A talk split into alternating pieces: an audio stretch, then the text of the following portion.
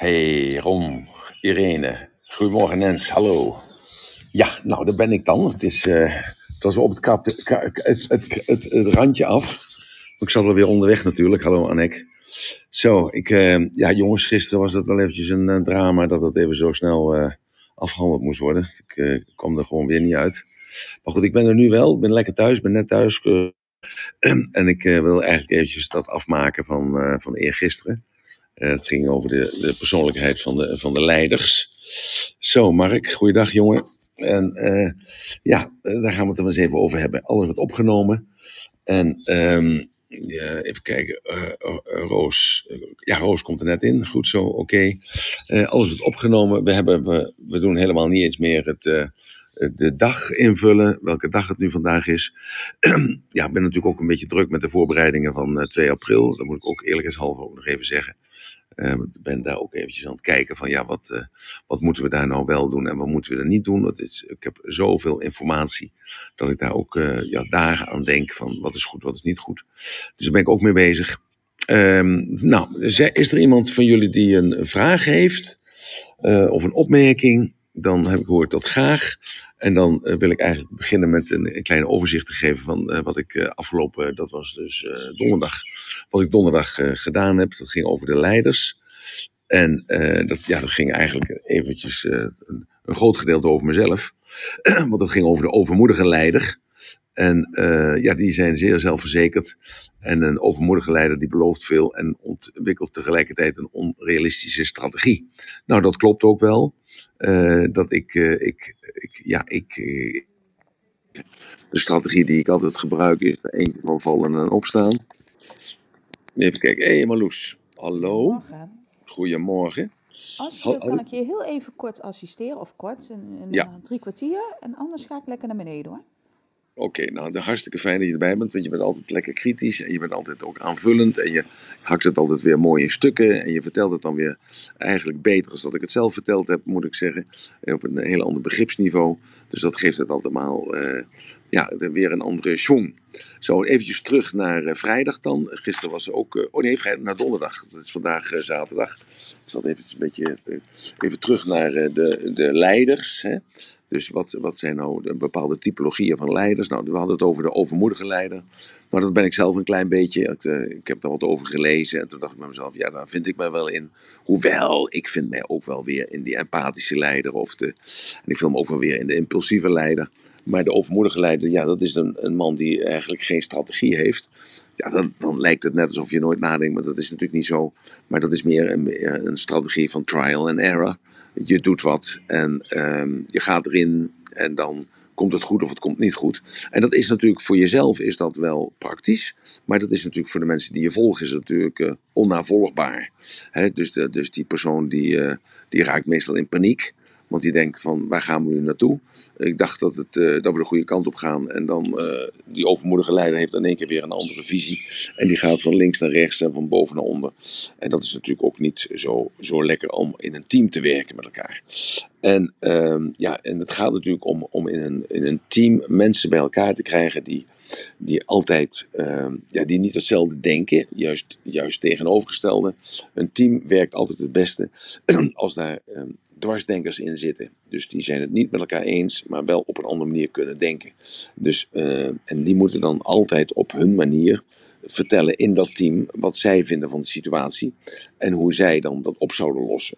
En dan kun je als leider zijnde, eh, ja, kun je dan eh, die bij elkaar mixen, daar het beste uithalen, althans het beste uithalen wat jij denkt dat het beste is, en dan eh, of gezamenlijk de beste ideeën eruit halen en dan een, strategie bepalen hoe we dat dan allemaal in kunnen vullen.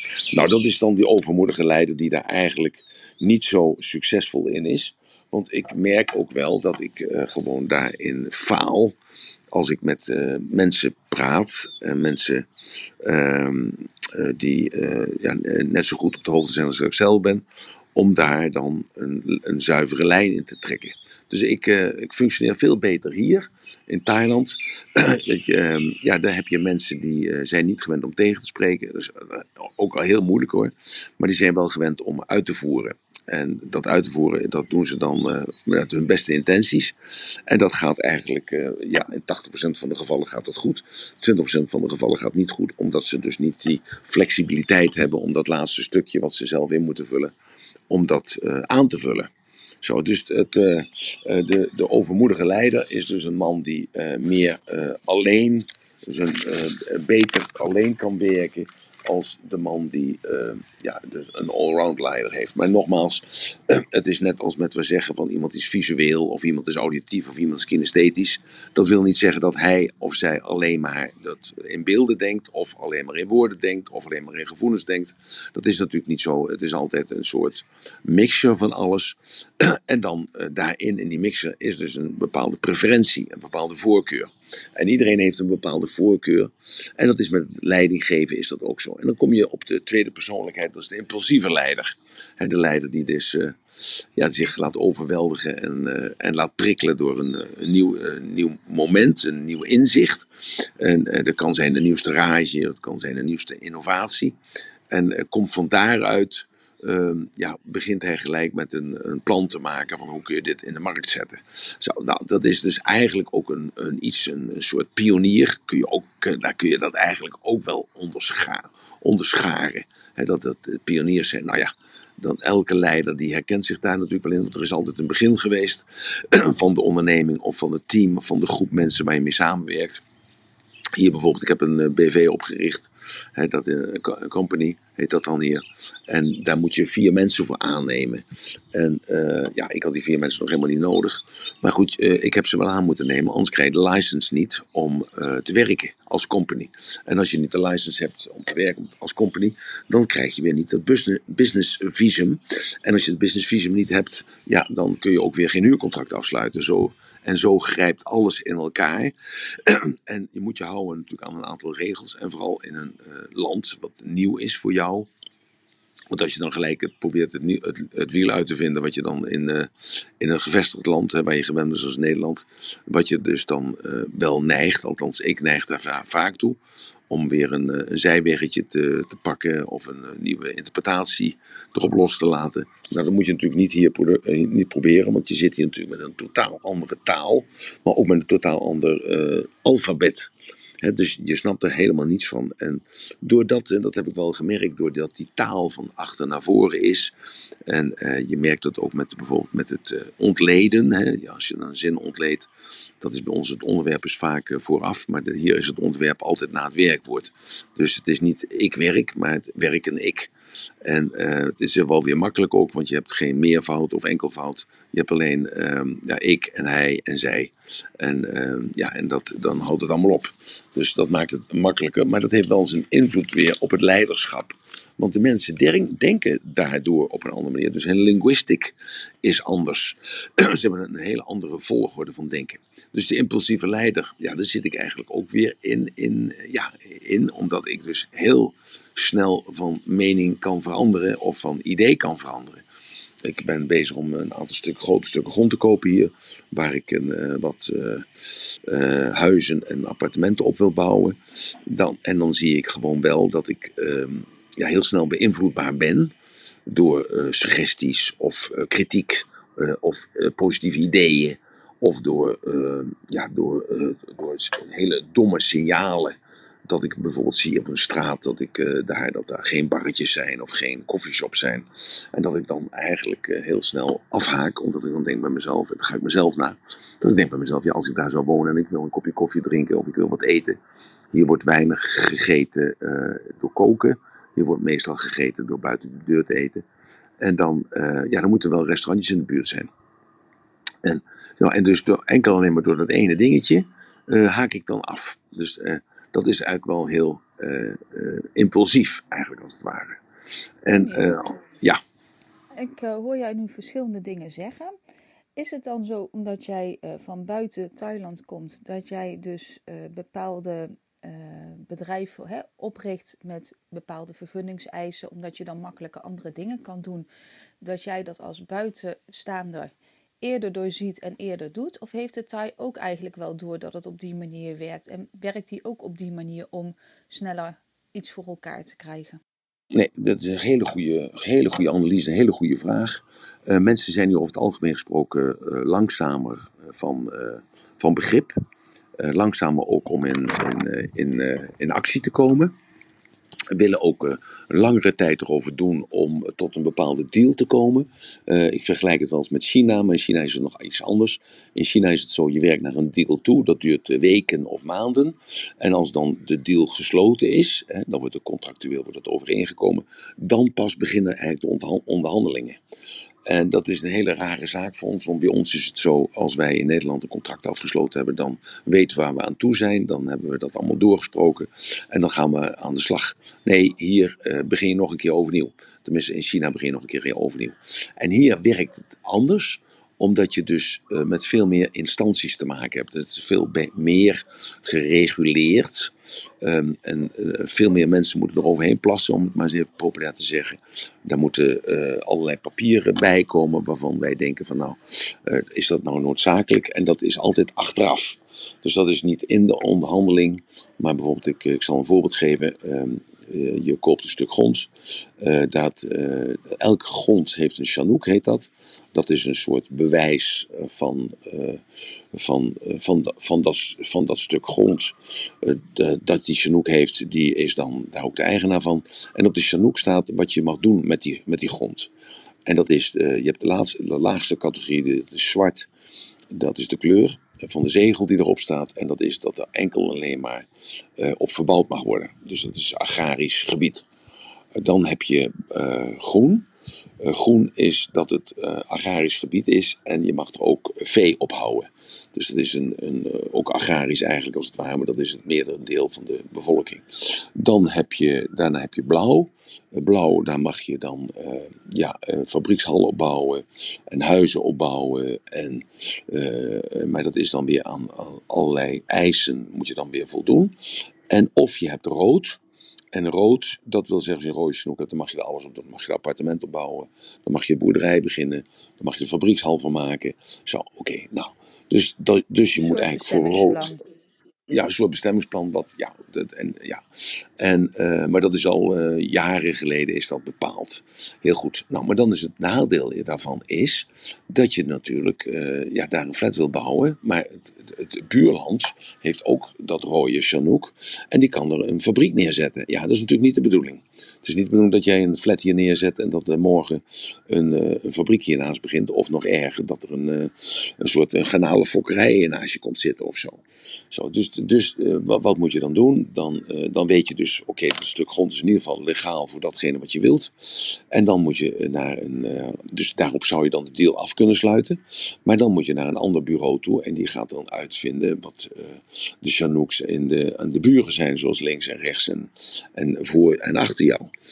Dus, dus je krijgt een hele andere uh, handelswijze. Hè? Dus uh, zoals voor mij dan impulsief, uh, snelle, snel beslissingsmakers. Ja, dan ga je natuurlijk in de fout. Dus ik had bijvoorbeeld een stuk land gekocht, een optie opgenomen, dus nog niet gekocht, maar een optie opgenomen, prijs afgemaakt en alles. Onder voorbehoud dat het eerst gecontroleerd zou moeten worden. En uh, toen kwam ik daar voor de derde dag. en toen bleek dus dat gewoon het verschil tussen app en vloed uh, was giga groot. Dat, uh, ja, er, er, viel ongeveer een, bij App viel ongeveer 500 meter land viel droog. En dus van het strand. Ja, en dat was nou niet de bedoeling, want daardoor is natuurlijk het, uh, de helft van de tijd zit je dus dan uh, zonder water voor je deur.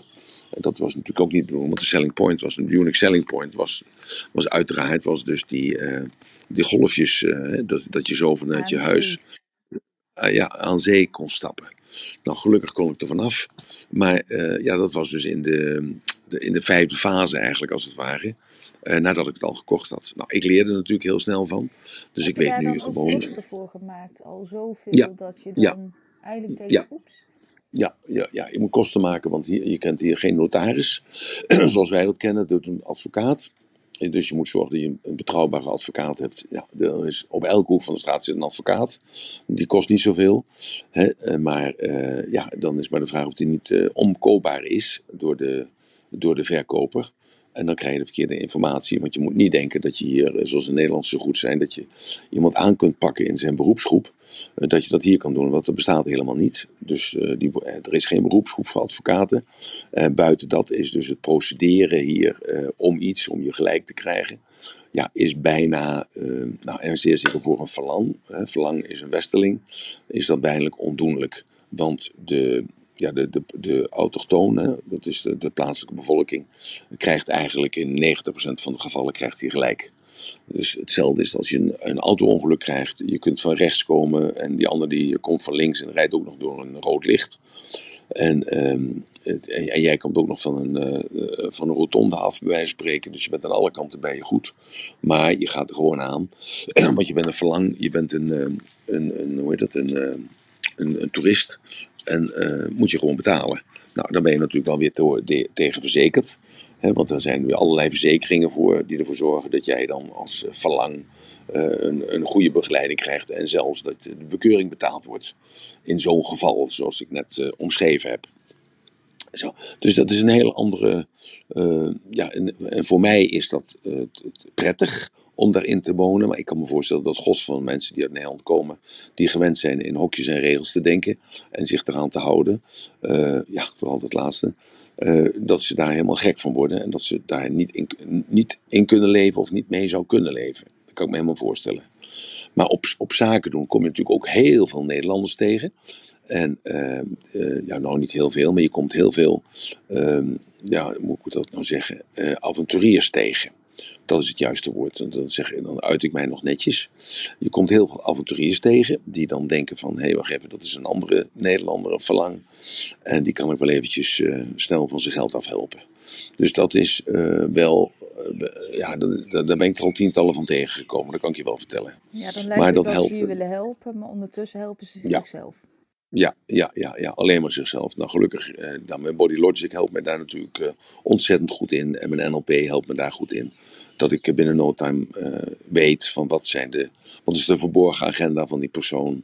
Door de juiste vraagstelling.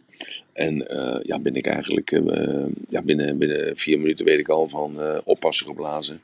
Uh, drink maar een kopje koffie op of uh, stap maar op. Of uh, ja, de situatie zeg ik dan van nou dankjewel, ik, ho ik hoef niet eens aan te horen, ik ga gewoon, hou je paraplu. Ja, en die Thais die hebben natuurlijk een hele andere expressie. En ja, die hebben, die hebben zo een beetje de overtuiging van die jongens die komen hier, dus die Westelingen komen hier en ja, die, die, komen maar voor één ding en dat is, dat, dat is hun portemonnee omkeren.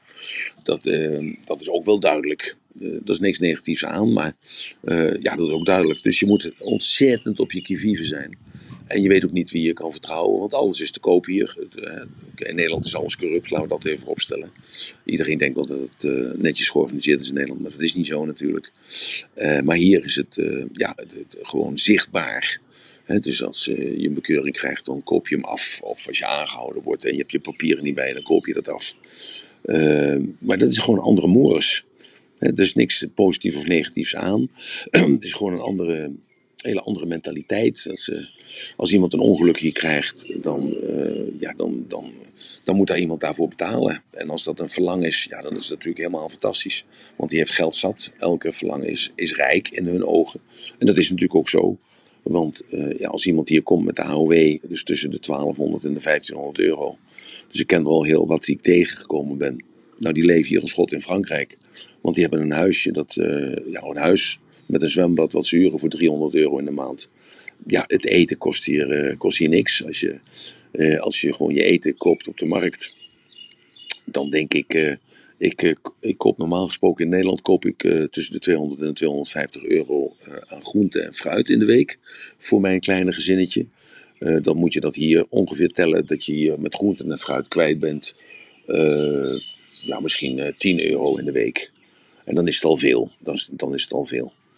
En uh, een ei kost hier een cent bijvoorbeeld. En uh, ja, een pakje boter kost hier, uh, dat is een ander gewicht. Dus het is een, ongeveer de helft van een pakje boter bij ons.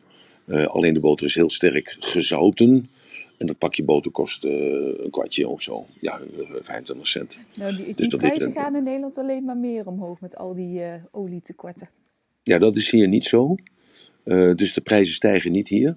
Uh, dat heeft te maken met de, de situatie waar, in welke verbanden zij, welke landen zij verbonden zijn met elkaar. hier komt heel veel gas komt uit uh, Indonesië, maar er zijn altijd gasflessen. Worden hier gevuld met LPG. Komt heel veel uit Indonesië, dus dat kost een, een gasfles kost niks. Ja, ik zeg niks, kost 50 cent. En uh, in Nederland kost de gasfles 12,5 euro bij spreken. Ja, maar ik bedoelde meer de, de zonnebloemolie en dergelijke. Dus uh, de ja. en dergelijke, die reizen hier ook de pan uit. Want er is allemaal ja. meer te verkrijgen. Nou, maar dat is hier niet, want hier komt dan, de boter komt uit Australië. Snap je? Dus in Nederland heb je nou de pech dat je vastzit aan de Oekraïne. En ja, dat is natuurlijk geen boer die momenteel gaat, gaat zaaien, want die moet een deze dagen zaaien. Want met al die Russische vliegtuigen over zijn kop heen. Dus die, die boer die blijft wel binnen. Dus ja, dat, het is niet alleen voor nu, op dit moment, dat de, het transport stil ligt. Nee, dat zijpelt jaren door. Ja, ja, ja, ja. Dus dat. Uh, ja, en ja, goed. En dan die krekel, dat krekelmeel wat ik uh, aan het maken ga, dat is natuurlijk uh, mooie vervangen. Want daar ben ik natuurlijk ook mee bezig. Om, om daar dus iets van te maken dat je daar ook brood van kan bakken. Alleen in krekelmeel zit, geen, zit er geen gluten. Dus ik ben nageestig op zoek naar een product waar wel gluten in zitten. Uh, of waardoor ik een, een, soort, een stuk uh, soort broodachtig iets kan maken, waardoor ik dat krekelmeel dus in de, in de markt kan zetten. Uh, hoewel er ook al andere producten zijn uh, op een op, uh, seminar van 2 april komt ook iemand uh, die, komt, die maakt kroketten. dat dacht ik uitgelegd de laatste keer van krekelmeel. En ik zal die jongen ook interviewen om te vragen van wat hij nog meer maakt. buiten crackers en buiten wat andere soorten van krekel. Dus dat is wel interessant om dat te horen. Waardoor je dus ook bijvoorbeeld uh, vlees niet meer nodig hebt, maar de proteïne haalt uit die voeding. Dus, uh, de, dus over heel snel, maar dat is dus weer het voorbeeld als je, ja, zoals ik dus ben, impulsieve leider. En, en ik ben dus een overmoedige leider. Ik investeer daar ook weer tijd en geld aan. En ook weer onderzoekkosten investeer ik daaraan om zo snel mogelijk dus iets te vinden. Om dat brood weer te, hè, dus het graan als het ware te, te vervangen door krekelmeel met een andere toevoeging. Is het dan zo dat die substantie zo anders is met dat krekelmeel dat je dus die gluten wilt hebben om dat meer vergelijkbaar te maken? Want in principe is natuurlijk heel Nederland toch echt wel ook steeds meer glutenvrij aan het worden. Ja, nou ja, maar brood zit altijd gluten in, want brood geeft de structuur. als je een snee brood tegen het licht aanhoudt, dan zie je er allemaal gaatjes in. En dan zie je een soort uh, raamwerk, een soort, uh, het, wat, wat bijen maken, weet je wel, zo'n soort rasterwerk. Dat zie je dan, dat zijn gluten. het is wel zo dat 31% van de Nederlandse bevolking is gluten, ja, hoe heet het? Intolerant. Heeft intolerantie. Ja, dat heeft te maken met de vaccinaties die we krijgen als kind zijnde. Heeft te maken met een paar andere factoren die ook kunstmatig in ons voedingpatroon gezet worden. Dat weten we ook allemaal. Daarom wordt die, worden we steeds gevoeliger voor. dus we moeten ook iets doen met het meel of de bloem. Dat, dus, ja, dat die gluten afgebro eerder afgebroken worden. Want het zit dus in het afbraakproces in de maag. Dat die glutenintolerantie daar. Het, het, is dus niet de gluten aan zich, maar het is het afbreken van de gluten. Eh, dus het afbreken van het rasterwerk, wat dus een, een reactie oproept in je immuniteitssysteem. Want glutenintolerantie is een auto-immuunsysteem ziekte, auto-immuunziekte. Uh, dus het is een soort dat je eigen immuunsysteem zich verzet tegen datgene wat je eet. Dat, dat is het eigenlijk. En, uh, nou is het zo dat de, hamburgers die we maken van krekelmeel, van krekelvlees, uh, zijn twee soorten hamburgers al in de markt. Dat zijn hamburgers met uh, 80% uh, koeien, CQ, kippenvlees. En daar is dan toegevoegd 20% krekelmeel, krekelvlees. Of je hebt de vegetarische variant. En de vegetarische variant, daar wordt dan 20% krekelmeel, krekelvlees aan toegevoegd. ik vind de laatste lekker. Ook vlees. Dat klinkt heel stom. Ja, ja. Dat zijn dieren, ja. Ja, ja, ja, maar is ook zo. Dat je zegt veganistisch. Ja. Of, Nee, nee, het, nee het is het, het, uh, vega, want het, het, hamburger, het, het, het, vlees wordt bij elkaar gehouden door brood. Dat is dus paneelmeel of andere glutensoort. Dus, dat, dus dat, dat is het verschil tussen een, een gehaktbal. Ik weet niet of je wel eens een gehaktbal maakt. Maar een gehaktbal is dus ook dat je, dat je het bindt met elkaar door middel van ei, peper en zout voor de smaak. En dan beschuit er doorheen of brood er doorheen. Dus daar zit dan weer de gluten in. Ja, en, en ehm, dat is dus natuurlijk met een vegetarische hamburger waar 20% uh, krekel, uh, krekelvlees in zit. Is dan eigenlijk geen vegetarisch, maar is een krekelhamburger met een, een, een, vervangende groente voor dus dat beef of chicken hamburgervlees.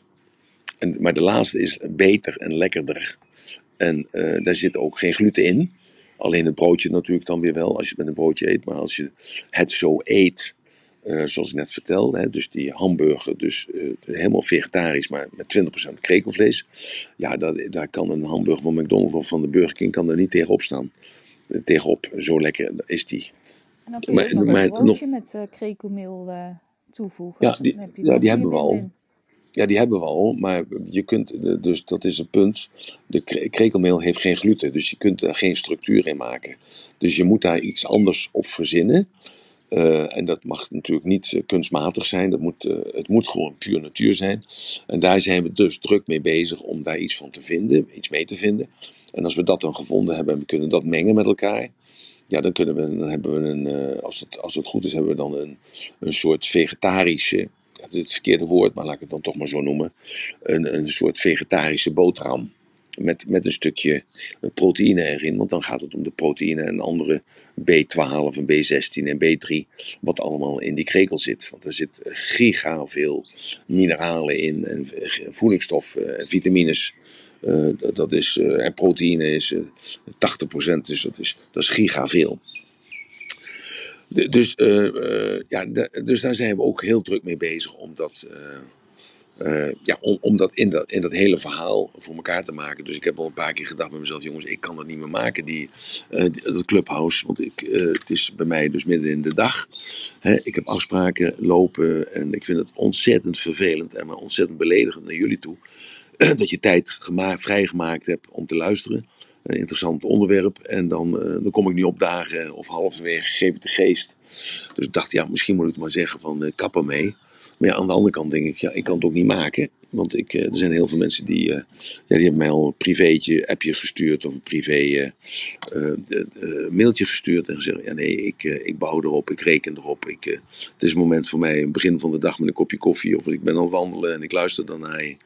Uh, of mensen die zeggen, ja, ik luister elke dag naar je en ik, uh, desondanks uh, luister ik toch nog eventjes naar ehm, wat opgenomen is. Hè, om het dus dan nog een keer te horen, zodat ik dan de nuances hoor, omdat je vaak praat in lagen. Ja, dus, um, ja, dus dat geeft me dan een beetje een, een tweestrijd.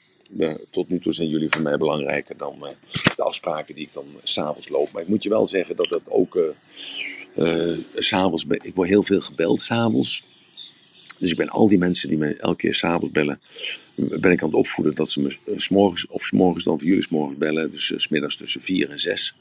En dat we het dan zo af kunnen handelen. Want uh, s'avonds is natuurlijk, je moet ook tijd besteden aan Betteke en, en Emiel. Die mogen dan natuurlijk daar geen slachtoffer van worden. En ja, dus ik, elke, elke avond zit ik gewoon door te werken tot 1 uur, 2 uur. Om, om bij te komen met mijn werk, om bij te blijven. Uh, en weer nieuwe dingetjes uh, te bedenken. En dan uh, s'morgens moet er gewoon om, om vijf uur uit. Niet klaar hoor, ik klaag niet, maar... Nee, maar zo is de balans die Goedemiddag, je moet vinden. inderdaad, Martijn is ook bij ons op het podium. Martijn. Wat ik, wat ik zo mooi vind van je verhaal, ik moet denken aan het eerste wat ik ooit van jou gelezen heb, over je kroketten. Hè? Dat, ja. je, dat je eigenlijk je passie ergens weer voor mijn gevoel, je weet, ik ben loopbaancoach, je passie weer teruggevonden hebt ja. in, een, in een product uh, uh, ja, brengen. Ik ja, dat is, Ons, ja, dat is ontzettend leuk dat je dat zegt, Martijn. Want ik kom dus ook tot die conclusie bij mezelf. Dat alles wat ik in mijn leven heb gedaan. Hè, dat was dus van kok uh, in militaire dienst. Uh, vrachtwagenchauffeur in militaire dienst. Uh, bakker, bakkersopleiding gehad. toen de friet gemaakt. En de, vanuit die friet dezelfde friet. dezelfde, dezelfde aardappelplantage opgericht. toen zelfs kroketten en frikandellen gaan maken. Ja, toen die frikadellen weer afgestoten, omdat dat te veel werk was en te gevaarlijk was om te maken. Bami en nassiballen zelf maken. Ja, toen naar de poffertjes toe. daartussen door de marketing, altijd zelf gedaan. dus altijd de reclames zelf opgericht. En, en dan ja, ook gezorgd voor krantenartikelen en dergelijke. Door elke keer wat leuks te bedenken of iets eigenaardigs te bedenken. En met acties en dergelijke. Ja, toen die poffertjes in Amerika, toen dat hele verhaal met Robbins. ja, toen mezelf in de markt zetten, niet alleen in Nederland, maar ook in, ja, tot in Rusland Ik heb in Rusland veel seminars gegeven. Ik kwam gisteravond nog een Russisch echtpaar tegen. Ik zat te eten met, met een businesspartner. En ik, er waren vier Russen die zaten te praten met elkaar. En toen dacht ik, de ene vent die zag eruit, jongen, heel gevaarlijk. Zo, echt zo'n Russische maffiakop. En met, ja, om even te beduiden hoe ik getwijfeld heb. En uh, daarnaast een, een, dame, echt een Russin. Nou, ik heb een paar Russische vriendinnen gehad in het verleden, grijs verleden. Dus uh, kan ik je nog eens uitleggen dat die er anders uitzien dan de Europese vrouwen. Zijn altijd iets uh, krachtiger in hun uitdrukkingen en iets forser in hun bovenbouw. Als, als je goed luistert, dan hoor je wat ik zeg. en ook in hun onderbouw.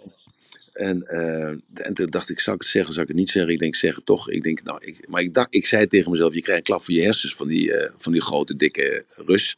Ik denk, daar gaat het toch naartoe. Dus ik ben naartoe gegaan. Ik heb gezegd, uh, ik zeg, ik hoor je praten. Ik zeg, ik, uh, ik, zeg, uh, ik veronderstel dat hij uit Rusland komt. Want ze kunnen natuurlijk ook uit Oekraïne komen. Hè. Dan praten ze ook een beetje hetzelfde. En het zei, nee, ik kom uit Rusland. Ik zeg, nou maar luister, ik zeg, ik geef je even mijn kaartje af. Ik zeg, en ik, als u hulp nodig heeft, dan dan kunt u mij bellen en dan kan ik misschien iets voor u betekenen. Want ik, ik volg het nieuws en ik vind het toch heel erg wat er allemaal gebeurt. Waarop die eerste rust tegen mij zei van, heb je niet iemand die die Poetin om kan leggen? Ik zeg, nou, ik zeg, maar luister, ik spreek geen waardeoordeel uit. Ik denk, ik moet even oppassen. Ik zeg, ik spreek geen waardeoordeel uit. Ik vind het wel erg wat er allemaal gebeurt. En ik hoor dat uh, mensen in Rusland uh, geen toegang meer hebben tot hun, uh, tot hun geld. Dat hun creditcard is ingenomen. En ja, ik zal het heel erg vinden, allemaal. Dus ik, ik heb een huis hier, dus als u hulp nodig heeft, ik heb een auto. Nou, ik zeg, als ik ergens mee kan helpen, dan, dan doe ik dat graag, met liefde en plezier. Nou ja, toen stond die vent op, die, die hele grote, die was een kop groter als ik en eens zo breed als ik. En die gaf naar me toe en die pakte me beet en die uh, omhelsde me. Nou, ik, ik, kreeg bijna geen lucht meer. En die begon te huilen. Dat doen de Russen wel heel snel. Die begon te huilen van ontroering. En uh, nou, moest er gelijk wodka gedronken worden. Ja, dat drink ik natuurlijk niet. Maar dat was toch wel weer eigenlijk, uh, ja, maar, weer leuk. Maar, maar nou, vertel ik dat dan eigenlijk? Ik, ja. ik breng je weer even terug naar uh, wat zo gaaf ja. is. Is dat jij eigenlijk terugkomt op jouw uh, ja. zielsmissie. De basis, dan, ja. Om zo'n mooie producten te maken ja. um, in, de, in de omgeving waar je in zit. Het NLP, neurologisch model. Um, ja. Met de vaardigheden die je hebt. Um, uh, met jouw identiteit die je bent en je missie die je, ja, die, je, die je in de wereld wil zetten. Om gewoon mooie producten te maken. Dus ja, ja, Dat, dat raakt me gewoon. En uh, ja, als, als loopbaancoach gun ik gewoon meer mensen dat ze zo weer op hun pad, ja, op hun stroming terechtkomen. Dus, dus, ja, en, ja, nou ja, en ik denk juist dat, het, dat al die zijweggetjes die ik gedaan heb, hè, dus van bakker weg naar, naar frietboer, zeg maar, en dan poffertjes, pannenkoeken en ijs, ijs maken en dergelijke, dat dat eigenlijk nu dan allemaal tot elkaar komt en al die ervaringen. Hè, dat je die dan toch hebt moeten meemaken om dan uiteindelijk dus een heel nieuw ding op de markt ja. te zetten. Ja, je hebt ook echt die skills nu ontwikkeld in al die jaren. Ja. Om inderdaad Ja. ook hier misschien die handel mee te drijven. Dat je Kijk, dat ja. 40 jaar Ja. geleden niet voor elkaar had gekregen. Kijk, ik heb hetzelfde. Ik ben eh, nu uh, padeltrainer. Dat is een sport die nu in Nederland heel populair is. Misschien kennen een aantal luisteraars het ook wel. Leg En uit. daar, daar ben ik 13 jaar geleden in Spanje ja, opgekomen op die sport. Ik heb 10 jaar geprobeerd het in Nederland op allerlei plekken eh, voor elkaar te krijgen. Nou, dat lukte me allemaal niet. Toen heb ik dat Nee. losgelaten. Toen ben ik gewoon lekker zelf gaan padellen. En nu eh, eh, poepen de hallen als, als broodjes uit de grond, zeg maar. Dus Ja. ja, soms heb je het ook zelf niet, eh, ja, niet de regie erop. Maar als je Ja. maar gewoon je, je dingen blijft doen, dan komt op een gegeven moment die stroming weer bij elkaar. Ja, nou dat is ook zo. Uh, ja, of, of, je, of het is het bewustzijn, dus dat je dat bewust, uh, bewust meemaakt. Dus vanochtend vertelde ik nog een verhaal over mijn opa aan een van de mensen wie ik samenwerk hier. En toen zei hij, ja, maar dat heeft eigenlijk mensen als je ouder wordt. Ik zei, nou ja, misschien is dat wel zo. Ik zei, maar ik vond het wel mooi dat ik juist uh, al die ooms en opa's, waar ik eigenlijk niet zo'n goede band mee had, waar ik een beetje een hekel aan had, dat ik dat nu terugzie in mezelf. En dat ik nou zelf ook zo'n vervelende oude man begin te worden. Hè, dus ehm, tenminste dan niet uh, een beetje oude vervelende man, maar dat je dus dan ook uh, gewoon je eigen lijn trekt en zegt uh, tot hier en niet verder. En ik, ik vind dat er gewoon van en ik, ik ga er gewoon niet vanaf.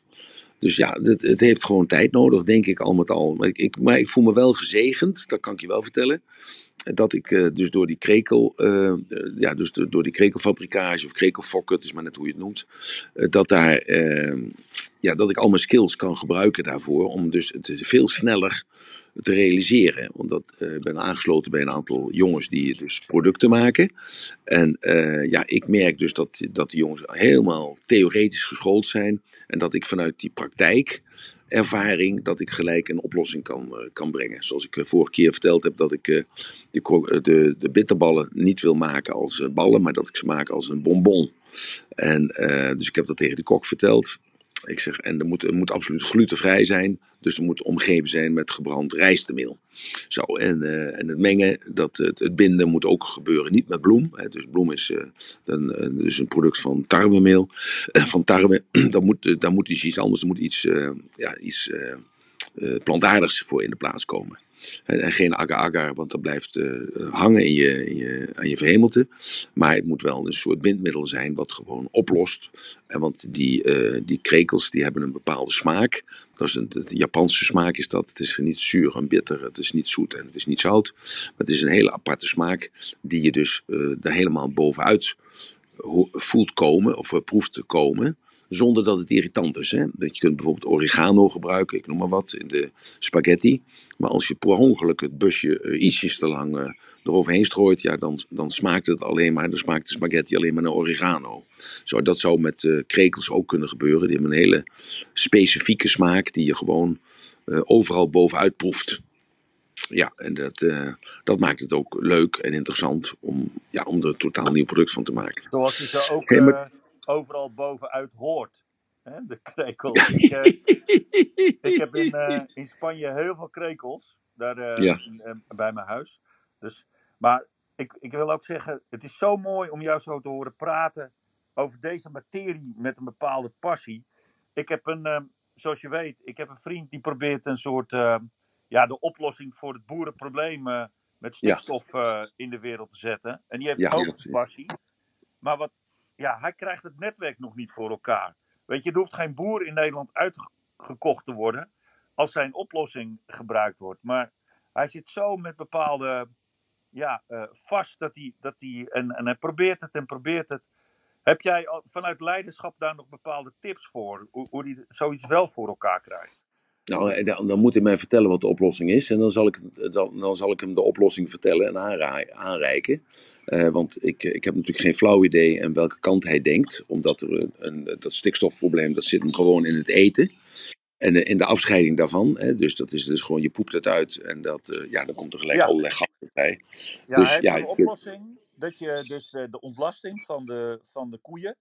En het is nog niet eens het grootste probleem, overigens, de stikstof. Er komt, mm -hmm. ja, ik heb me er ook een beetje in verdiept. Er komt zwavelzuur uh, vrij ja. Als, ja. De, als poep en plas. En hij heeft een oplossing. één, dat je dat af kan zuigen als de koeien daadwerkelijk iets doen. Hè? Daadwerkelijk gewoon poepen. Maar, en, waar gaan de, en waar gaat die geur naartoe? Uh, de geur die, ga, die wordt ook afge, afgezogen. Ja, waar naartoe? apparaat. Ja, nee, waar, waar naartoe ja. dan? Want die zwavelzuur die ruikt. Ja. dat is dus wat je, dat penetrante geur die je ruikt ja. als je langs zo'n uh, mestwagen rijdt. En waar, waar blijft die geur dan? Want dat is, je kunt wel afzuigen, maar waar, waar zuig je het naartoe nou, dan? Hij heeft een apparaat een, uh, met, een, uh, met een soort octrooi. Dat noemt hij de, de, de, de, de, de Verity. En daar, daarin um, de Arity, sorry. Arity, A-I-R-I-T-Y. En daar ja. zit een filter in met natuur, natuurlijke producten het Bachbloesem. Ja. En um, daardoor kan hij het afbreken naar weer nitraat, naar daadwerkelijk die zwavelzuur, naar het stikstof. Ehm, en dan, dan kan het weer hergebruikt worden. En die machine, ja. die werkt gewoon. Maar op allerlei plekken probeert hij het aan, de, ja, aan de man te krijgen. Maar ja, wellicht mist hij een bepaald soort leiderschap erin? Of, of, of is men, zijn de belangen gewoon zo anders dat men het eigenlijk niet wil? Martijn, nou ga ik even mijn leiderschap nemen. Ja. ik denk dat het dus een goed idee is dat, um, ik weet over wie jij het hebt toevallig, ja. maar dat hij even een, uh, een mail stuurt naar, um, dan moet ik even nadenken, wat was het mailadres ook alweer? Uh, ratenband nee, clubhouse.ratenband.com. Ja. Ja, ja, ja. Dus ratenband.clubhouse.com. Uh, en ik weet zeker dat uh, Emiel daar dan op reageert. En als hij het ziet en de naam ziet, dan gaat bij hem ook een belletje rinkelen. Oh, oké. En ik, ik oh, zou je is er iemand dat... Uh, oké. Ik zou je ook een artikeltje even, even doorsturen dan. Uh, maar goed. Ja, wat, ja wat, en dan uh, wil ik even gaan recappen. Uh, ja. We hebben het eigenlijk over leiderschap. Ik kwam ook eerlijk is eerlijk iets later binnen dan dat ik normaal doe. Dit was ook een spontane hulpactie van mij. En ja. Emiel heeft het eigenlijk gehad over de overmoedige leider en over de impulsieve leider. en vervolgens gingen we eigenlijk van het een naar het ander naar de krekelfarm weer. Omdat dat ook een stukje leiderschap is van Emiel. En geeft eigenlijk Martijn ook heel mooi aan van... hey, nu komen al jouw uh, dingen weer samen... die je de afgelopen jaren in je leven opgebouwd hebt... tot eigenlijk die oorsprong dat je uit die bakkersfamilie komt... en al zoveel in de voet gedaan hebt. Ja, en, maar het heeft natuurlijk de basisovertuiging is natuurlijk deze altijd geweest... dat als je wat wilt, dan kun je het ook. Dat is natuurlijk wel even uh, belangrijk. Hè? Dus uh, geen zee gaat te hoog, geen berg is te hoog, geen dal is te diep.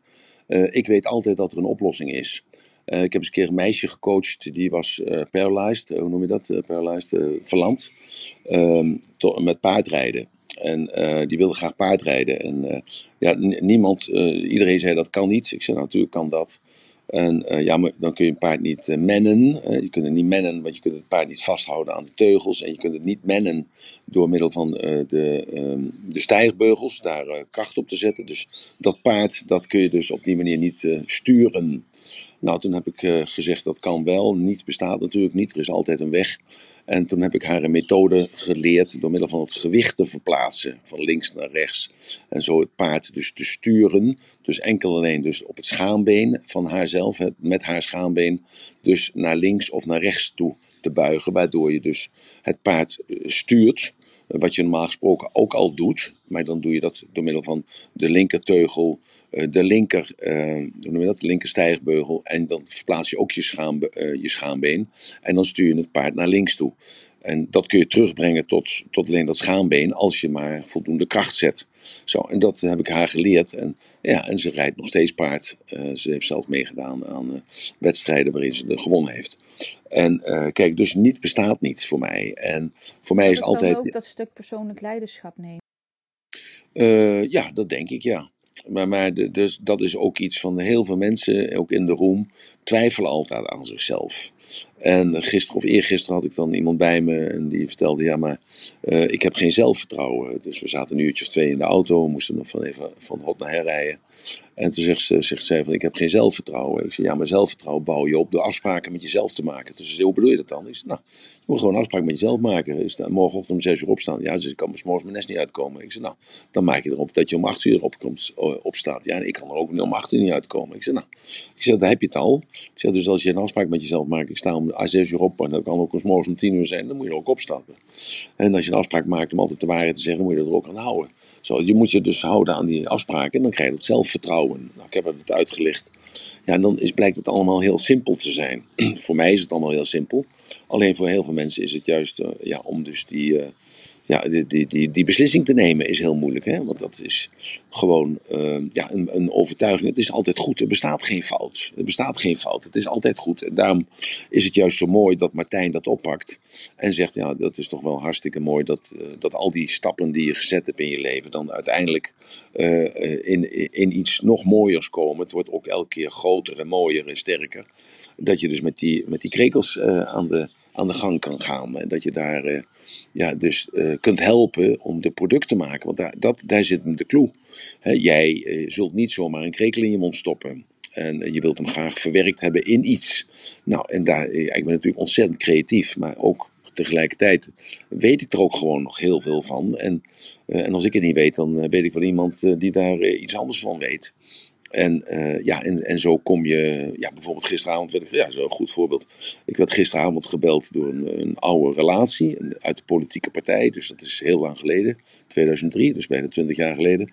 En die vertelde mij dat hij contacten had met, uh, met de Russische, uh, met de, de gasleverancier.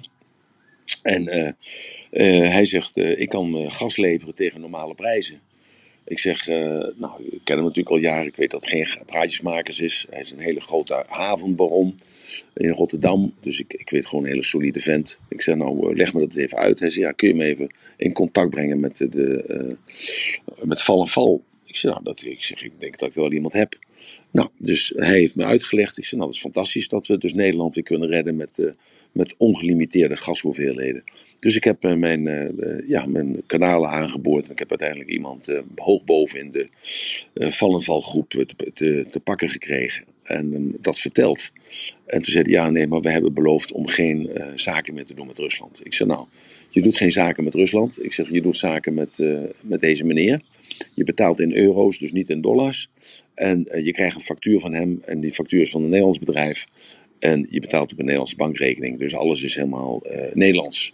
Hij zei, ja, waar komt het gas dan vandaan? Ik zei, ja, het gas komt uit Rusland. Ja, zei, dat doen we niet. Ik zei, nou ja, ik zeg, uh, dan houdt het allemaal op. Zo, dus, snap je? Dus ehm, wij zijn afhankelijk van mensen. Dus heel veel mensen komen nu in financiële nood. Waardoor, omdat men zich wil houden aan afspraken om geen gas te nemen van Rusland. Dat is dan uh, internationaal afgesproken. Waardoor uh, meneer Poetin dus geen wapens kan kopen. Nou, ondertussen weten we natuurlijk allemaal dat hij wapens krijgt uit China. Dat krijgt hij allemaal op de lat. Hij hoeft het niet te betalen. Meneer Biden is er natuurlijk heel kwaad over, maar dat gaat gewoon door. En zo zie je dus eigenlijk dat we ons met alle beperkende uh, maatregelen die we treffen met, ons, met onze positieve ingesteldheid, omdat we het opnemen voor de Oekraïne, dat we onszelf in de voet schieten. Ja, en uh, ja, dat, dat doet mij dan wel pijn. Dus dat heel snel dus een, verband gelegd kan worden. En dat, daar doelt Martijn hoogstwaarschijnlijk op. Dat uh, zelfs als dit apparaat van deze meneer zou werken. En dat zou ook nog in grote hoeveelheden werkzaam blijven. Want dat is natuurlijk de vraag. Dus eh, met een kilootje lukt het altijd wel. Maar lukt het ook met uh, 10 ton tegelijk. En uh, als dat zo is, ja, eh, vanuit Brussel hebben ze gezegd: in 2030 moeten er gewoon driekwart van de boeren weg zijn. Daar is geld voor gereserveerd. Daar zijn ambtenaren voor aangenomen. Daar zijn protocollen voor geschreven. Kortom, het is één grote tanker die al losgegaan is richting 2030. En dat moet uitgevoerd worden. Ik heb wel eens verteld van uh, een uitvinding over verbrandingsmotoren. Ik heb uh, zelf de CEO, die ken ik van de CEO van Benz USA, die ken ik. Ik ben speciaal naar hem toegevlogen met die uitvinding onder de arm. Omdat het, uh, je moet je voorstellen, benzineverbruik is momenteel 1 op 15, 1 op 20. Dat was uh, 20 jaar geleden was het ongeveer 1 op 5 tot 1 op 10. Uh, dit benzineverbruik dat ging dus van 1 naar dat, ging 1 op 100. Dus dat ging vijf keer effectiever, die verbrandingsmotor. En je kon er alles in gooien. Je kon er dieselolie in gooien en benzine en petroleum en uh, ongeraffineerd en geraffineerd, maakt allemaal niet uit. Het bleef ongeveer zo equivalent van 1 op 100 bleef je rijden.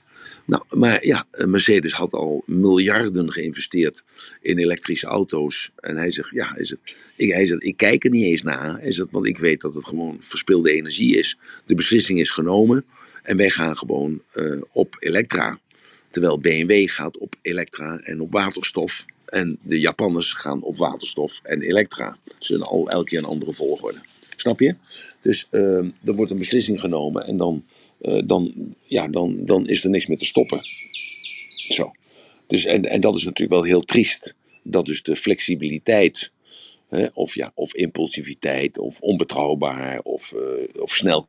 Ja, dat dat niet in de, bij, de, bij de overheid niet, uh, en op een val niet, uh, ingevuld wordt. Zo, dus dat, dat is droevig. Want uiteindelijk zijn wij dan de man en de vrouw op straat, die zijn dus dan de klos. Want wij betalen de rekening. Want ja, ik heb zelf dus ook hele hoge energienota's van ongeveer een milletje of drie in de maand. Ja, dat, dat wordt gewoon 6.000, 7.000 euro. En dat moet toch ergens vandaan komen. En ik, ik, ik, kijk dan even naar bijvoorbeeld in de friet, frietbusiness. Daar betalen we ongeveer 10 mil in de maand aan gaslicht en water. Ja, dat wordt dus uh, dat wordt 2022 in de maand. Ja, dat moet ergens vandaan komen. Dus daarom zullen heel veel bedrijven de komende periode zullen dan ook stoppen om te bestaan. En uh, daar zal dan iets anders voor in de plaats komen.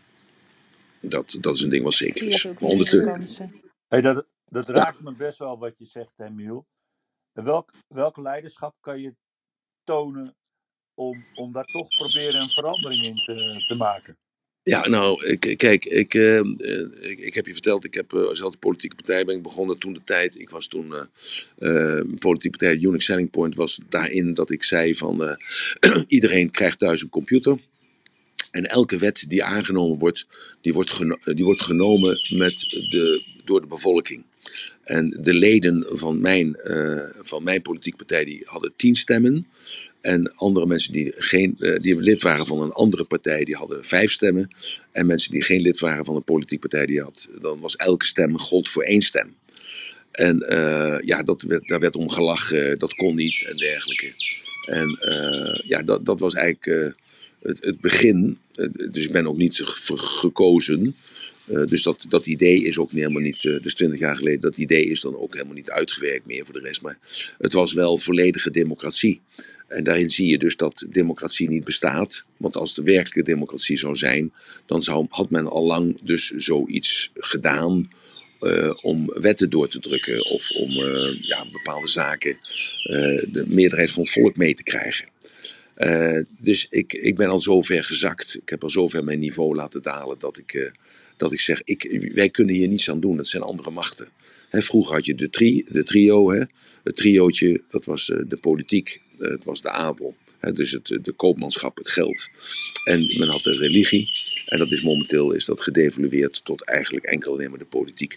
Want de adel, CQ, de, eh, de koopman, mensen hebben daar niets meer voor in te brengen. En religie zit er ook niet meer bij. Dus ja, dat is een, gewoon een constatering van een feit, kerel. Dus je moet daar jezelf op de rit houden. Daarom hamer ik er ook elke keer op. Je moet gewoon zelf voor jezelf goed zorgen. En er zijn steeds meer mensen die zeggen: ik geef het op je moet eens weten hoeveel uh, mailtjes ik krijg van mensen uit Nederland die informatie vragen over uh, hoe ik hier leef, hoe, ik hier, hoe zij de kosten hier zouden kunnen verdienen, hoe, hoe het leven eruit ziet en dergelijke. En, ja, en wat ze mij aanraden om ook te vertrekken. Nou, en dan de angst natuurlijk van de, de, een mogelijke derde wereldoorlog, die met tijd en wijlen hè, dan weer even omhoog komt ja, dan de fouten die gemaakt worden door, uh, door leiders die daar geen opleiding voor hebben gehad of niet geschikt voor zijn. Sorry dat ik dat even zo hardop zeg. Die, uh, ja, wie is er dan wel geschikt voor? Ik weet het niet. Maar ja, dat, dat, daar heb je dan ook grote twijfels aan over. Tenminste, ik dan. Ja, dat is eigenlijk het verhaal, Martijn. Dus uh, je moet daarom uh, rekening houden met jezelf en zorgen dat je flexibel in de markt bent dat je ook, uh, ja, de, de, ook je baan die vandaag, ja, je bent kok of je bent chauffeur of je bent IT'er, ICT'er of je bent huisvrouw of ja, noem maar een beroep op. Er is geen enkele garantie dat dat de volgende week nog is. Beter nog, eigenlijk, of erger nog, het hele, de hele structuur die we hebben momenteel in onze maatschappij, is de vraag of die nog in een herkenbare vorm zal zijn vandaag over laat ik zeggen, twee jaar. Ik, ik, noem bewust een korte termijn, want we moeten denken aan uh, dagelijkse veranderingen. Er, kan, er kan zo wat gebeuren en dat uh, staat allemaal op zijn kop. En ik weet niet of, uh, of we dan weer zo snel in evenwicht zijn. En daarom is het zo belangrijk voor, dat state management dat je, dat je jezelf tot de orde kunt roepen als er paniek is. En dat je in ieder geval jezelf bij de les houdt en denkt van ja, ik heb, mijn, uh, ik, ik heb bruine bonen staan en ik heb uh, flessen water staan en ik heb uh, staan. maar ik heb ook in ieder geval zorg dat mijn, mijn attitude, mijn mentale capaciteiten, dat ik daar voldoende aan gewerkt heb. Hè? Ik, heb heel veel commentaar gekregen op de advertentie waarin ik schrijf van eh, ben je wispelturig, ben je depressief, ben je angstig. Dat, dus ik had een heel rijtje gemaakt van allerlei vervelende omstandigheden waar je zou in kunnen verkeren. En ehm, ik heb een paar honderd reacties gekregen van mensen die zeiden van nou, ik ben niet bang en ik ben niet angstig en ik, Ik heb, ik heb geen depressie en ik heb geen angsten en ik heb, ik heb het allemaal niet, dus ik heb het niet nodig. Nou, en dan is het enige wat ik erbij kan zeggen is, nee, misschien vandaag niet. Maar je bent vandaag wel jong van geest en flexibel van lichaam. En ben je dus ook open om dingen te leren. Want al die dingen die ik doseer heb je straks zeer zeker nodig. Want het moment van crisis komt steeds dichterbij. Ja, ik, ik, uh, ik herken het wel. Ken je de term antifragiel? Ken die, ja. Dat is een prachtig boek ook. Want dat is, dat is wat steeds meer nodig is. Hè? Dat, we, dat we dus ja. ja. bewust worden wat je net zegt. Dat elke, ja, ook in leiderschap, dat je daar flexibel in hebt te zijn. Ja. Dat je daarin hebt te kunnen bewegen. Maar dat je dus ook echt bewust kan zijn dat jouw baan, uh, wat je net zegt in een frietent of whatever, door deze crisis uh, gewoon kan verdwijnen. Dus, dus, waar kan je in antifragiel blijven? Dus eigenlijk een soort flexibiliteit hebben dat hoe de omgeving en omstandig ook, ook is, dat jouw ding uh, um, waarde toevoegt. Ja, maar ja, goed, dat is natuurlijk, ja. uh, dat is voor elk mens is dat anders. en ik ben in de gelukkige omstandigheid geweest dat ik al vrijwillig elke keer een soort uh, switch heb gemaakt. Hè, dat heb ik gedaan vanuit een uh, behoefte voor, voor verandering, een behoefte vanuit pionierschap, een behoefte vanuit niet statisch willen berusten in het, in het, moment waar ik in terecht ben gekomen. Dus hup, het boel aan de kant en opnieuw wat te beginnen. de gemeenschappelijke factor was wel dus dat het altijd te maken had met mensen en met voeding. Dat is de gemeenschappelijke factor omdat ik graag mensen gelukkig wil maken en mensen een meer keuze wil geven. En dat, ja, dat is ook elke keer in mijn productstelling naar voren toe gekomen. Want ik, uh, bijvoorbeeld met de poffertjes, uh, in Duitsland, uh, ik had niet alleen die 80 winkels, maar ik had ook een, een soort bezorgdienst opgebouwd. Waarin men poffertjes bevroren thuis kon krijgen. Er was niet één portie, waren wel tien porties. En dat werd dus met bevroren, hoe heet het? Dat? Alleen de poedersuiker was niet bevroren. Maar zelfs de boter was bevroren. Dus ik kon zo in de oven kon je het dan verwarmen. En, uh, maar ja, was een tijd natuurlijk al heel ver vooruit, want ik praat nu in 1982. Maar het mooie wat je ja. zegt, hè? Het, ge- Mhm. het gaat over mens en voeding. Ja. En dat is dus jouw stroming uh, gebleven. Zeg Ja, maar, hè? altijd, altijd, altijd, altijd. En daarom is het zo mooi met die krekels, dat die krekels nou in één keer op mijn pad komen. Ja. Eh, en ik, eh, ik zag dat meteen zitten, ja, omdat ik natuurlijk ook een, eh, ik ben ook een visionair, dus ik, heb, ik kan heel makkelijk visualiseren. en, ik, ja, en dat verhaal van die Frans Timmerman, dat hij dat zei van eh, over, eh, over zeven jaar, dan eh, is driekwart van de boeren weg. Het eerste wat ik in mijn hoofd schoot was, maar luister, we zijn een half procent van het wereldoppervlak, dat is Nederland. En we zijn de grootste expediteur van agrarische producten. Dus uh, wat, wat, wat, wat, wat kwezelt zo'n man nou eigenlijk? Uh, zoek een oplossing, hè, zodat dat agrarische product uh, verkocht kan blijven worden. Nee, we gaan die boeren allemaal aan de kant doen, want dan hebben we ruimte om te wonen en we hebben ruimte om te recreëren. Ja, maar straks dan vallen we terug in de piramide van Maslow en dan hebben we geen behoefte meer om te recreëren als we geen veiligheid of zekerheid hebben. En we hebben geen behoefte om te wonen. Want uh, we hebben niet te eten en we hebben geen geld en we kunnen niet bouwen. En uh, ja, we hebben geen uh, product. Ja, er zit, we kunnen... er zit nog iets aan. Dat, dat was zo prachtig, was de landbouwvoorzitter van Wageningen. Wij ja. hebben gewoon hele goede landbouwgrond. En als ja. je daar dus huizen op gaat zetten, dan haal je dus ook die hele goede landbouwgrond weg. En in heel veel ja. landen heb je gewoon niet zulke goede landbouwgrond. Dat, dat soort dingen worden gewoon, ja, daar heb ik af en toe wel moeite mee hoor, in mijn uh, leiderschap, om me daar niet van uh, slag te laten, uh, laten zijn. Nou ja, dan, dan de kunstje daarbij is gewoon van jezelf de vraag te stellen, welke invloed heb ik daarop? Hè? En welke invloed zou ik daarop kunnen hebben? Nou, en dan is de fase van je leven waar je in bent, bepaalt het antwoord. Kijk, als jij 18 bent, 19 bent, dan is dat natuurlijk een andere fase als dat je 35 bent. Bijvoorbeeld, ik zag Mark van de week staan op, een, op het plein in Arnhem, om voor zijn politieke partij daar iets positiefs te zeggen. Nou, fantastisch goed, goed iets. Nou, ik hoop dat hij, al, al is het maar één man of één kind, één jongen, één meisje heeft aangestoken met zijn enthousiasme. Waardoor die hele politieke partij vandaag over twintig jaar een andere draaiing krijgt. Maar uh, ja, hij zal dat niet meer meemaken. Maar uh, ja, dat is voor mij altijd het teken van het eeuwig leven. Dus ik, ik denk dan dat je het moet delegeren aan andere mensen. En jezelf dan blijven richten op datgene wat je, waar je goed in bent. Daarom heb ik ook besloten om na die hele affaire over dat zogenaamd grensverleggend bezig zijn, om ermee te kappen. Want ik zie dat uh, als een uh, persoonlijk falen. Dus ik dat eerder al uitgelegd heb. En heel veel mensen begrijpen dat niet, of willen dat niet begrijpen, of kunnen dat niet begrijpen. Ik denk meer dat het het laatste is. Uh, ik heb er gisteren nog een radio-interview over gegeven. En ehm, ja, dan, dan hoor je ook allerlei negatieve, eigenlijk bijna uitsluitend alleen maar negatieve uh, standpunten uh, over het feit dat ik dat durf te roepen. En dat mag natuurlijk iedereen, je hoeft het niet met elkaar eens te zijn.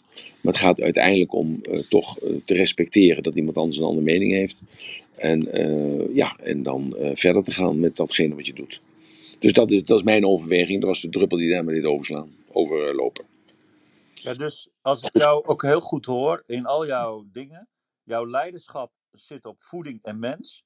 En de, de soort leider die jij daarin bent, maakt uh, één, dat jij uh, visionaire uh, manifestatie creëert, zodat het dus ook op dat gebied, ja, bij wijze van spreken, iets naar je toe komt. Hè? Ze zeggen wel eens, er is toeval, in mijn beleving valt het je toe. Hè? Dat is een hele andere, dat is de tegenovergestelde gedachtegang. Uh, nee, je creëert het zelf, want uh, als je het niet zelf creëert, herken je het niet als het je toevalt. Precies, precies. Dus, precies. Dat, dus dat moet wel even goed gezegd worden. Ja, uh, want anders ja. denken mensen van ik heb nooit geluk. Nee, je moet dus die fantasie, die, dat dromen, dat concretiseren, dat opschrijven. Hè, dat, dat zorgt ervoor dat als het je op je pad komt in, door middel van die metafoor, dan herken je dat. Dus dat is dat verhaal van die meneer Bik. Dus de uitvinder van de ballpoint, is zo mooi dat hij uh, zich irriteerde aan het feit dat hij met een vulpen elke keer in die inkt zat te dopen, dan te schrijven. Dan had hij net weer inspiratie en dan moest hij weer die pen pakken en moest hij dat weer in de, in de inkt dopen. Nou, en met die irritatie liep hij dus door, de, door Parijs heen en zag daar jongetjes uh, ballen spelen met een bal. Hij irriteerde zich aan het feit dat er modder op de weg lag. Hij irriteerde zich aan het feit dat de jongetjes midden op de weg aan het voetballen waren. Hij irriteerde zich gewoon aan het feit dat er slecht weer was. Hij irriteerde zich overal. Uh, en in één keer zag hij dus dat, dat die bal uh, door de goot heen rolde, de, stuiterde en weggleed over de weg. En een spoor achterliet van modder. En daardoor herkende hij in één keer het systeem van de ballpoint. Van de bal, die dus voortdurend in, het, uh, in de inkt gedoopt blijft. En daardoor voortdurend kan blijven schrijven. Zo. Dus hij had dat nooit herkend als hij daar niet over nagedacht had. Uh, en zich nooit geïrriteerd had en nooit boos geweest was en zich niet had geërgerd aan de jongelui die daar bezig waren om te ballen daar midden in Parijs. Zo, dus dat is, hè, dus het is altijd, je hebt het al bedacht, alleen op een andere manier en dat is de metaforica. Dat als je dus die, die metafoor, uh, dus alles wat je overkomt is alleen maar een metafoor. En als jij precies weet wat jij wilt, hè, met jouw leven, als dat uh, voor jou herkenbaar is, en voor mij is dat heel herkenbaar, dan, uh, ja, dan krijg je altijd die bevestiging. Want dat is weer die overtuiging, die bevestiging vanuit de realiteit. Daarom heb ik in mijn bakkerij, uh, dus toen de tijd, dus dat praat ik bijna 60 jaar geleden, zaken veranderd die vandaag de dag heel normaal zijn. He, dus brood bakken in de winkel. Ik was de eerste die dat deed. Um, uh, ja, dat, bijvoorbeeld het brood niet verpakken. Het brood niet snijden. Omdat je een fles wijn ook niet opentrekt bij Albert Heijn. Dus waarom zou je een brood wel snijden? Daardoor had ik een snijmachientje ontwikkeld. Die kostte toen de tijd iets van 5, 15 gulden. Waardoor je dat brood vers kon snijden op juist de juiste afstand. Niet door middel van een mes, maar door middel van een draad. nou oké, dus er zijn allemaal dingen die ik daaruit bedacht heb. Nou, toen heb ik de echte bakkers op Misschien zijn er nog van jullie die weten wat de echte bakkers zijn. Dat is een soort selectie van warme bakkers. Warme bakker, het idee warme bakker heb ik ook uh, uitgevonden. Daarvoor er, uh, waren er geen warme bakkers, er waren alleen bakkers. En ik heb het idee uitgevonden, warme bakker en een koude bakker. Dus een, bakker, warme bakker is de bakker waar dus broodjes gebakken worden. En een koude bakker is dat een verkooppunt. Nou, dus, uh, en zo ben ik dus in die friet begonnen. Daarna, en de, die friet heb ik ook begonnen door middel van een idee wat ik zag op het Marco plein in Napels, waar ik uh, velgen bestelde. Duizend velgen bestelde voor het type Alfa Romeo die ik graag wilde hebben. En dacht dat andere mensen het ook wilden hebben. Nou, en daar heb ik een, uh, dat voorbeeld gezien van die haphoek. Dat je dus op een ruimte van 3,5 meter een omzet kunt maken van een miljoen of meer per jaar. En enkel alleen maar door één ding te houden. Niet lopen, niet praten, alleen draaien.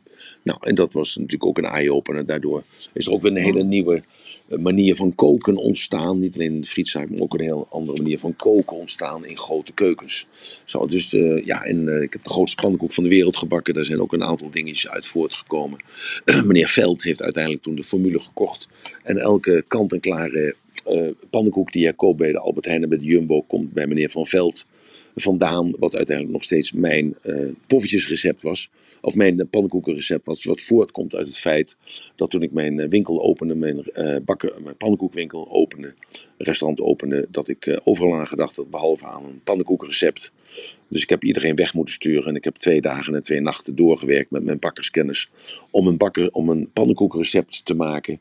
Wat jullie nu nog elke dag, tenminste als je een pannenkoekje koopt bij uh, Albert Heijn of bij de Jumbo, nog dagelijks eten. Zo, dus uh, elke keer uh, wat anders en wat nieuws. Zoals het NLP uitgewerkt is uiteindelijk tot epigenetica. En dat, dat ik nu weet dat dat de, de, de gedachte is, de epigenetica, is de sleutel tot self-healing. Uh, maar niet alleen self-healing, maar ook self-sickness. dus je maakt je uh, ziek door middel van je gedachten. En, uh, en je maakt jezelf beter door middel van de gedachten. En als je daarover nadenkt en dan dat, dat projecteert in de toekomst vandaag over, ik denk vijf jaar, zes jaar. Ik zal dat zeer zeker nog meemaken. dat je, dus dat dit bewezen wordt. Wat ik nu zeg, even kort dat je er zelf mee bezig bent, zal ervoor zorgen dat de, de druk op de gezondheidszorg vele malen af zal nemen.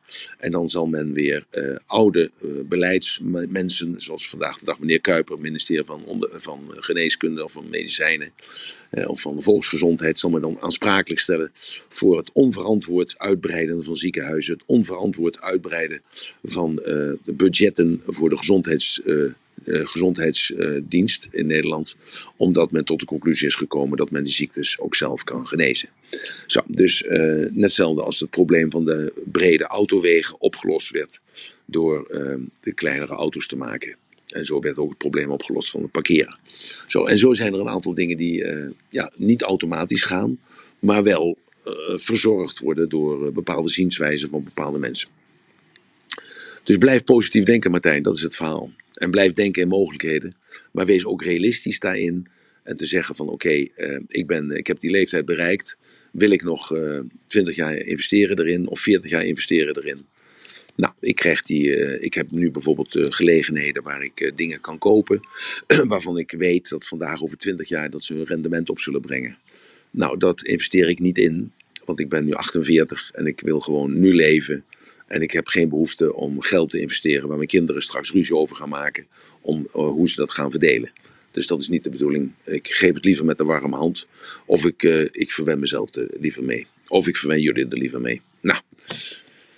Martijn, dankjewel voor je uh, in- en aanvullingen en je oplossingen. En dankjewel voor de ja, fantastische interventies die je pleegde. Dankjewel voor je aanvulling en voor al je kennis en je liefde en je bedachtzaamheid. Ik heb begrepen dat je erbij bent 2 april. Ik verheug me erop. Ik zal kijken of ik dat contact kan leggen voor je. En anders zal ik, eh, als, ik, eh, als dat niet lukt, zal ik in ieder geval aan hen vragen. Jij weet wie ik bedoel. Of ik zijn telefoonnummer aan jou mag geven. Ik hoop dat je dan, uh, dat je in ieder geval realiseert dat je niet vergeten bent. En ook op dat moment zal ik je niet vergeten. Want je bent niet alleen in mijn hoofd, maar je bent ook in mijn hart. Yes? En zo geldt dat voor al die andere mensen die er zijn natuurlijk. Eens, gelijk, eens gelijk okay. Emiel. Dankjewel. Ja. Nou, dank jullie wel voor jullie aanwezigheid. Uh, ik hoop. Uh, oh ja, ik, ik, ik, maak nog even. Ik maak dit even af. Je hebt de streng controlerende leider. Nou, dat, uh, dat ben ik ook. Want ik ben, kan ook een ontzettende despoot zijn. Dat is ook heel moeilijk om mee samen te werken. Want ik ben heel streng. Maar ik, in mijn strenge ben ik heel duidelijk. En door die duidelijke taal die ik daarvoor gebruik. vinden heel veel mensen dat kwetsend. en daar ben ik al natuurlijk al een aantal keren mee tegen de lamp om het maar zo te zeggen. Maar uh, ja, voor mij, dat komt omdat ik uh, weinig opleiding heb genoten, heb ik altijd een behoefte aan duidelijkheid. En denk ik ook dat andere mensen die behoefte aan duidelijkheid hebben. En dan als laatste persoonlijkheid, en dat ben ik zeer zeker niet, dat is de onzekere leider. He, die komt terug op een eerder genomen beslissing omdat hij uh, niet weet of hij de juiste heeft genomen. En is onnavolgbaar in het, in het volgen omdat deze man of vrouw die onzeker is over zijn eigen daden, zijn eigen beslissingen, blijft altijd hangen in de momenten onzekerheid waardoor hij of zij niet de duidelijkheid kan scheppen die ik door middel van mijn impulsieve en door mijn directe leidinggever altijd toepas. Nou, dank jullie wel voor jullie tijd en uh, energie, dat jullie er waren allemaal. ik uh, doe meer dan mijn best om er morgen te zijn. Ik ga morgen even met de kinderen naar het strand. Dat heb ik de kinderen beloofd. En uh, als ik op het strand zit, dan kan ik zeer zeker tijd vinden om morgenmiddag om drie uur uh, bij jullie te zijn. Hey, Niel, Dank mag, ik, mag je nou één ding vragen? Ja. Uh, je ratelbandje voor vandaag. Ja, het ratelbandje voor vandaag is: wees nou leider over jezelf. En dat wil zeggen, doe nou vandaag datgene wat jij wilt.